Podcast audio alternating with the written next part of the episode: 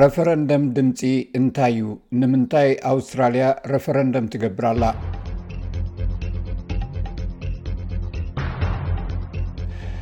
ህዝብታት ኣቦርጅንን ቶረስ ስትረይት ታይላንድራውያንን ኣብ ቅዋም ኣውስትራልያ ኣፍልጦ ከም ዘይብሎም ትፈልጡ ዶ? ኣብ ቅዋም ኣውስትራልያ ናይ ደቀባት ድምፂ ኣብ ፓርላማ፣ ቮይስ ቱ ፓርላመንት ንምእታው ፌደራል መንግስቲ ኣውስትራልያውያን ብረፈረንደም ድምፆም ክህቡ መዲቡ ኣሎ ስለዚ እዚ ረፈረንደም እንታይ እዩ ኣብ ኣውስትራልያ ድምፆም ክህቡ መሰል ዘለዎም መነመን እዮም እዚ ድምፂ ንፓርላማ እንታይ ክገብር ደቅባት ኣውስትራልያ ኣብ ፓርላማ ድምፂ ኣብ ፓርላማ ወይ ቮይስ ቱ ፓርላመንት ብዝበሃል ዝውክል ኣካል ንክህልዎም እቲ ዘሎ ቅዋም ኣውስትራልያ ክቕየር ዝግብኦም መረፅቲ ድምፆም ክህቡ መንግስቲ ፌደራል ይሓትት ኣሎ። ዘ ቮይስ ዝተመርፀ ጉጅለ ኮይኑ ብዛዕባ ንናይ ፈለማ ህዝብታት ዝምልከት ጉዳያትን ሕግታትን ንመንግስቲ ምኽሪ ዝህብ ኣካል እዩ ክኸውን። ኢቫን ኢክን ስሚዝ ውሃብ ቃል ኮሚሽን ምርጫ ኣውስትራልያ ወይ AEC እዩ። ነቲ ምርጫ ዘካይዶ እዚ ነፃ ኣካል እዩ።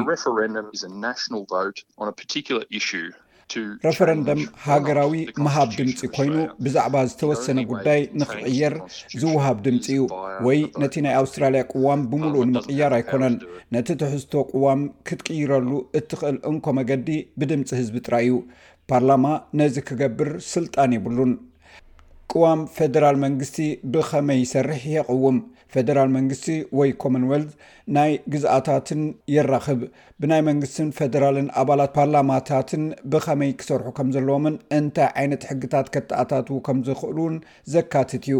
ሰባት ነዚ ዝስዕብ ሕቶ እወ ወይ ኣይፋል ከድምጹሉ ክሕተቱ እዮም። እቲ ተኣሚሙ ዘሎ ሕጊ ንቀዳሞት ህዝብታት ኣፍልጦ ንምሃብ ነቲ ዘሎ ቅዋም ብምምሕያሽ ናይ ኣቦርጂናውያንን ቶረስ ስትሬይት ኣይለንደርውያንን ድምጺ ነዚ ለውጢ ኣብ ቅዋም ትድግፍ ዶ? ወሃብ ቃል ኤኢሲ ኢኪን ስሚዝ ከምዝገልፆ እቲ ረፈረንደም ዕዉት ንክኸውን ናይ ድርብ ኣብዝሓ ደገፍ ክረክብ ኣለዎ። መስርሕ ረፈረንደም ንክሓልፍ ብደረጃ ሃገር ዝበዝሐ እወ ድምፂ ክረክብ ኣለዎ። ኣብተን ዝበዝሓ ግዝኣታት ድማ ድምፂ እወ ክረክብ ኣለዎ።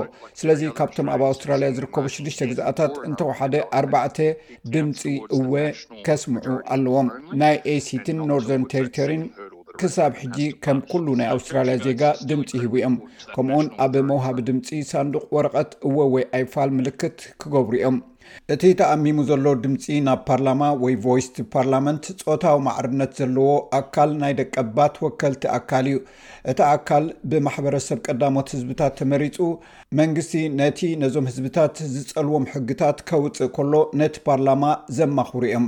እዚ ኣካል እዚ ሕግታት ንኸሕልፍ ስልጣን የብሉን። ናይ ቬቶ ውሳኔ ወይ ናይ ቀውፊ ውሳኔ ወይ ምወላ ናይ ምሕላፍ ስልጣን እውን የብሉን። እቲ ባይቶ ወይ ፓርላማ ከም ቀደሙ ንቡር ስርሑ እዩ ክቕጽል። ፕሮፌሰር ሜጋን ዴቪስ ካብ ህዝብታት ኮበል ኮበል ሰበይቲ ኮይና ከምኡውን ኣብ ዩኒቨርሲቲ ኒው ሳውዝ ዌልስ ኣዲ መንበር ቅዋማዊ ሕጊ እያ። ንሳ ኣካል ናይቲ ብዛዕባ ተቐባልነት ኣቦርጂን ቶረስትሬት ኣይላንደርን ነቲ ዝተኣመመ ድምፂ ኣብ ፓርላማ ኣብ ቅዋም ካብ ዘቕረቡ እያ ነይራ። ካልኦት ሃገራት እውን ተመሳሳሊ ሞዴላት ብዕውት መገዲ ኣብ ግብሪ ከም ዘውዓላ ትዛረብ። This is a very common reform that's made to እዚ ኣብ መላእ ዓለም ንዲሞክራሲያዊ ስርዓት ዝግበር ኣዝዩ ልሙድ ዝኾነ ምምሕያሽ ኮይኑ መንግስታት ብዛዕባኦም ሕግን ፖሊስን ኣብ ዝሰርሕሉ እዋን ናይ ደቀባት ድምፅታት ንምስማዕ እዩ ሓደ ካብቲ ኣብ ኣውስትራሊያ ዘሎ ናይ ዝተሃስዩ ማሕበረሰባት ዘሎ ጋግ ንምዕፃው ኮይኑ መንግስቲ ሳሕቲ ንማሕበረሰብ ብዛዕባኦም ሕግን ፖሊስን ከውፅእን እንከሎ ንምውካስ ዝሕግዝ እዩ ዲያን ፓርኪን ካብ ህዝቢ ኳንዳምካ ሰብኣይን ዳይረክተር ፍሮም ዘ ሃርትን ኮይኑ እዚ ኣብ ቅዋም እታ ሃገር ናብ ፓርላማ ድምፂ ንምስማዕ ዝግበር ዝነበረ ጎስጓስን እዩ። መንግስታት ነቶም ንማሕበረሰብ ፀገማት ዝፈልጡ ሰባት ብዝበለፀ ክሰምዖም ስለዘለዎ እቲ ድምፂ ንቀዳሞት ህዝብታት ኣውስትራሊያውያን ብመጠኑ ርእሰ ውሳኔ ንክረኽቡ ውሕስነት ከምዝህብ ይኣምን።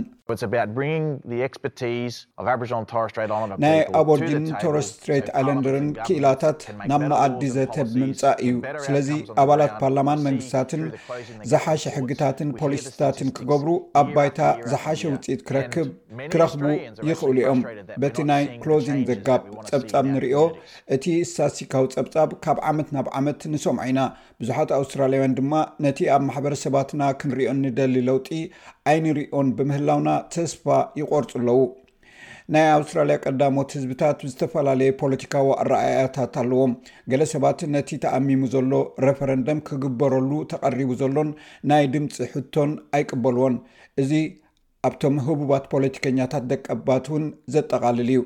ኣብ ኖርዘርን ቴሪቶሪ ካንትሪ ሊብራል ሴነተር ጀሲንታ ፕራይስን ናይ ቀደም መራሒት ለበር ዝነበረት ዋረን ሙንዲን ገለ ካብቶም ኣብቲ ረፈረንደም እቲ ኣይፋል ዝብል ድምፂ ክውሃብ ጎስጓስ ዝገብሩ ዘለዉ እዮም።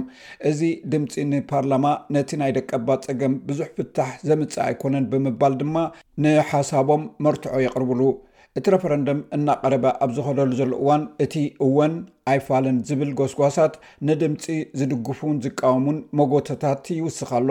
ወሃብ ቃል ኢቫን ኤኪን ስሚት ከምዝሓበሮ ኮሚሽን ምርጫ ኣውስትራልያ ወይ AEC ንልዕሊ 17 ሚልዮን ኣውስትራልያውያን ምዝጉባት ኣድመፅቲ ንምሕባር ናይ ሓበሬታ ጎስጓስ የካይድ ኣሎ።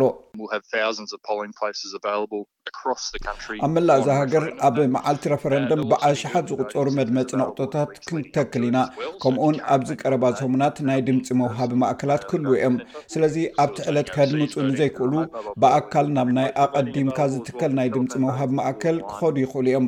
ኣብ ወፃኢ ሃገር ድምፂ ናይ ምሃብ መስርሕ ከነቀላጥፎ ኢና፣ ናይ ፖስታ ድምፂ ክህሉ እዩ፣ ከምኡውን ናይ ቴሌፎን ድምፂ ን ዓይነ ስዉራን ሰባት ክዳሎ እዩ። ታሪኽ ከም ዝሕብሮ ኣውስትራልያውያን ሕገ መንግስቲ ከመሓይሹ ምእማን ቀሊል ኣይኮነን። ካብ ፈደረሽን ናይ ሽሕን ትሽዓተ ሚእትን ባዶ ሓደ ንነጀው ንለውጢ ቅዋም ካብ ዝቐረቡ ኣርብዓን ኣርባዕተን እማመታት እቶም ሸሞንተ ጥራይ እዮም ተዓዊቶም። እቲ ብዛዕባ ደቀባት እተገብረ ናይ መወዳእታ ረፈረንደም ኣብ ሽሕን ትሽዓተ ሚእትን ስሳን ሸውዓተን እዩ ነይሩ። ኣብቲ ዝተኻየደ ረፈረንደም ቀዳሞት ህዝብታት ኣውስትራልያውያን ኣብ ትሕቲ ናይ ኮመንዌልዝ ናይ ኣውስትራልያ ሕጊ ኣፍልጦ ንክረኽቡ ኣኽኢሉ እዩ። በዚ ድማ ኣብ ቆጸራ ህዝቢ ከም ህዝቢ ክቑጸሩ ጀሚሮም። ኣብቲ ዝመጽእ ዘሎ ረፈረንደም ብኸመይ ድምጺ ከም እትህብ ክትፈልጥ እንተደሊኻ ኣብቲ ናይ መድመጺ ወረቐት እወ ወይ ኣይፋል ማለት ብእንግሊዝኛ፣ Yes፣ ወይ ውን no ዝብላ ቃላት ክትጽሕፍ ጥራይ እዩ ዘለካ። ፓት ኮሎናን ናይ ኤኢሲ ወኪል እዩ፣ ንኣድመጽቲ እንታይ ዓይነት ቀረብ ከም ዘሎ ይገልጽ። ኣብ መርበብ ሓበሬታና ከምኡውን ብቴሌፎን ናይ ኣስተርጓማይ ኣገልግሎት ከምኡውን ብናይ ቴሌፎን ናይ ስልኪ ኣገልግሎታት ናብ ልዕሊ ሳላሳ ዝኾኑ ቋንቋታት እውን ተተርጒሞም ዘለዉ ሓበሬታታት ክርከቡ ይከኣል እዩ። ኣብ ምርጫ ድምፅኻ ንምሃብ እንተተመዝጊብካ ኣብቲ ረፈረንደም ናይ ምድማፅ መሰል ኣሎካ ማለት እዩ። እዚ ማለት ድማ ኣብ ረፈረንደም ድምፂ ምሃብ ዝተመዝገቡ ዜጋታት ድምፂ ንምሃብ ናይ ግድን እዩ።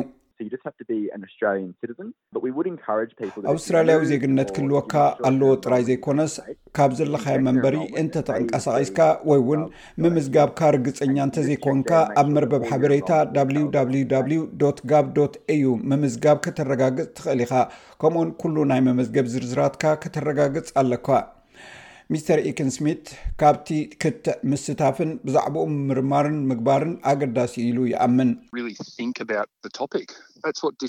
ብዛዕባ እቲ ጉዳይ ሕሰብ ረፈረንደም ነዚ እዩ ዝፈልዮ ብዛዕባ እቶም ክትመርፆም እትደልዮም ሕፁያት ኣይኮንካን ክትሓስብ ዘለካ ብዛዕባ እቲ ጉዳይ ኢካ ክትሓስብ ዘለካ ስለዚ ተጠንቂቅኩም መርምሩ እወ ወይ ኣይፋል ክትመርፁ ትደል እንተኾንኩም ሕሰቡ ናብ ትሳፁን ክትመፁ ከለኹም እኹል ሓበሬታ ሒዝኩም ምፁ እቲ ውፅኢት ቀያዲ ምዃኑ ምስትብሃል እውን ኣገዳሲ እዩ ሚስተር ካልናን ብዛዕባ እዚ ይገልፅ ድምጽኻ ምሃብ ኣዝዩ ኣገዳሲ ነገር እዩ ንሕና ኮሚሽን ምርጫ ኣውስትራልያ እንታይ ክትመርፅ ከም ዘለካ ዘገድሰና ኣይኮናን ሰባት ብኸመይ ኣድሚፆም ውን ኣየገድሰናን እዩ እቲ ንዓና ዘገድሰና ሰባት ድምፆም ምሃቦም ጥራይ እዩ ድምፅኻ ምሃብ ፍሉይ ነገር እዩ ስለዚ ሰባት ነዚ ብዕቱብ ክገብርዎ ነተባብዕ እዚ ምንባር ኣብ ኣውስትራልያ እዩ